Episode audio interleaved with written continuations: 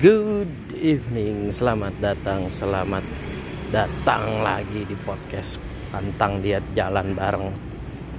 Jalan PD Kali ini kita ngobrol soal Apalagi kalau bukan metode pantang diet PD PD aja. Pertama-tama kita bahas logiknya dulu yaitu Manusia gemuk dari makanan sumbernya. Makanan selain sumber gizi, nutrisi-nutrisi esensial yang penting yang tidak bisa didapatkan manusia selain dari makanan yaitu gizi-gizi penting, protein, lemak sehat, vitamin, mineral, juga makanan mengandung energi atau sumber dari bahan bakar tenaga seperti glukosa, lemak itu semua disebut satuannya dalam kalori. Setiap makanan mengandung kalori. Kalori ini bisa menjadi bahan bakar untuk tenaga. Nah, manusia yang udah kebanyakan makan makanan yang tinggi kalori, kalori ini akan disimpan sebagai cadangan di dalam lemak badan. Itulah yang bikin berat orang semakin banyak lemaknya terisi sel-sel lemaknya semakin berat dan akhirnya membesar badannya karena sel-sel lemaknya terisi oleh lemak. Makin berat makin gede makin gemuk. Dan makanan zaman sekarang juga kebanyakan kalorinya malah kurang gizinya. Sampai harus difortifikasi oleh vitamin-vitamin sintesis yang belum tentu baik manusia jadi terus mencari nutrisi kelaparan terus makannya makin banyak makin banyak lagi menumpuk kalori. Secara logis ya solusinya adalah memang ngurangin makan. Banyak orang diet-dietan berhasil turun berat badan.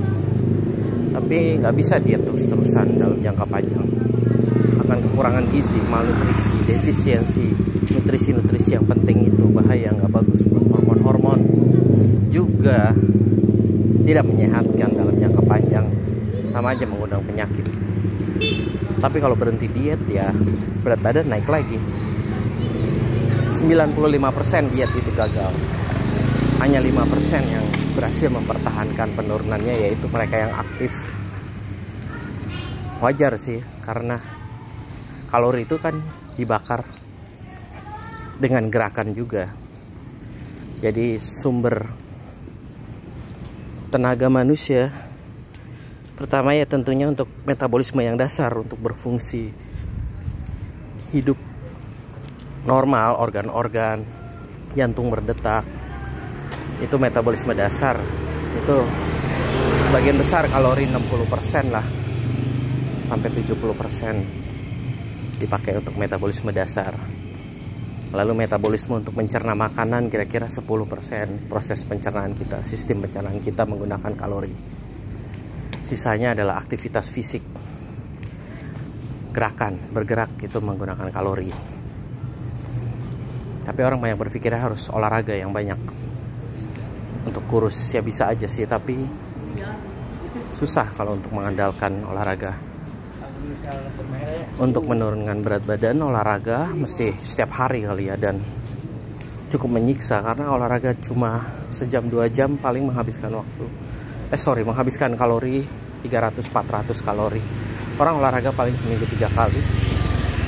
Totalnya menjadi 1200 kalori yang dibagi tujuh hari dalam seminggu. Rata-rata harian tidak sampai 200 kalori. Orang yang diet-dietan bisa defisit kalorinya 300, 400, mungkin sampai 500 kalau dia dietnya ketat. Nggak cheating. Tapi kembali susah diet itu. Lalu gimana untuk menurunkan berat badan tanpa diet-dietan yang ketat, tanpa olahraga yang menyiksa? Ya, sesimpel bergerak saja dengan gerakan di luar olahraga, di luar makan, di luar tidur. Artinya adalah need non exercise activity thermogenesis. Dengan need ini selisih orang yang membakar kalori dengan duduk-duduk aja itu sedikit sekali. Dia berdiri aja bisa dua kali lipat membakar kalorinya. Dia berjalan bisa tiga kali lipat. Selisih antara petani dengan pekerja kantoran bisa 2000 kalori sendiri. Selisih nitnya aja di nitnya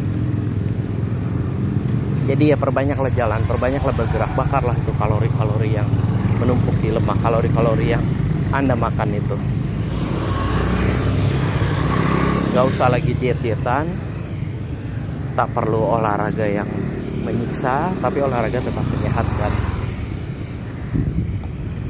Yang utama adalah banyak bergerak. Karena kalau olahraga aja percuma habis itu duduk banyakkan diem banyakkan duduk nyantai istirahat banyak makan imbangi asupan kalori dari makanan dengan pembakaran kalori dari gerakan. Banyak bergerak aktif banyak berjalan beberes. Jangan kebanyakan duduk. Pada penelitian orang yang kurus terus makan banyak tetap kurus. Dan orang gemuk yang makan lebih banyak sedikit aja malah jadi tambah gemuk penelitiannya sama-sama diberikan surplus kalori 1000 kalori dari yang biasa. Yang langsing ini naiknya paling hanya sekilo tetap langsing. Yang gemuk naiknya bisa sampai 8 kilo lebih bah padahal kelebihannya tetap sama. Diberi makan lebih 1000 kalori dari yang biasa. Ternyata setelah diteliti rahasianya adalah yang langsing itu lebih banyak jalan. Yang gemuk lebih banyak duduk makanya tadi selisih orang yang kerjanya duduk terus di kantor dengan pegawai toko yang berdiri terus bisa 1000 kalori. Dengan petani selisihnya bisa 2000 selisih kalori yang dibakar oleh aktivitas.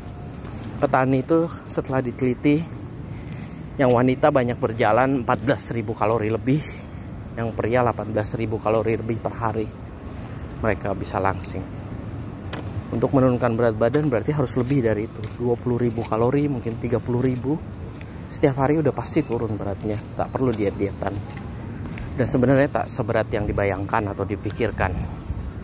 Tinggal jalan santai aja cari waktu cari cara cari kesempatan.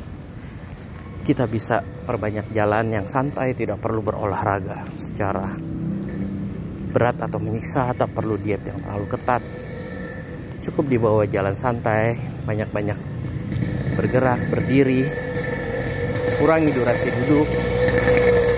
Jangan duduk-duduk aja tapi aktif bergerak. Mulai dari pagi sampai malam dijamin tidurnya nyenyak. Dan juga happy serta penurunan berat badannya akan permanen hasilnya terjaga selamanya. Karena kita kan ingin tetap bisa jalan sampai tua. Nggak merepotkan orang atau tergantung dengan kursi roda apalagi kalau sampai kena diabetes yang kakinya diamputasi.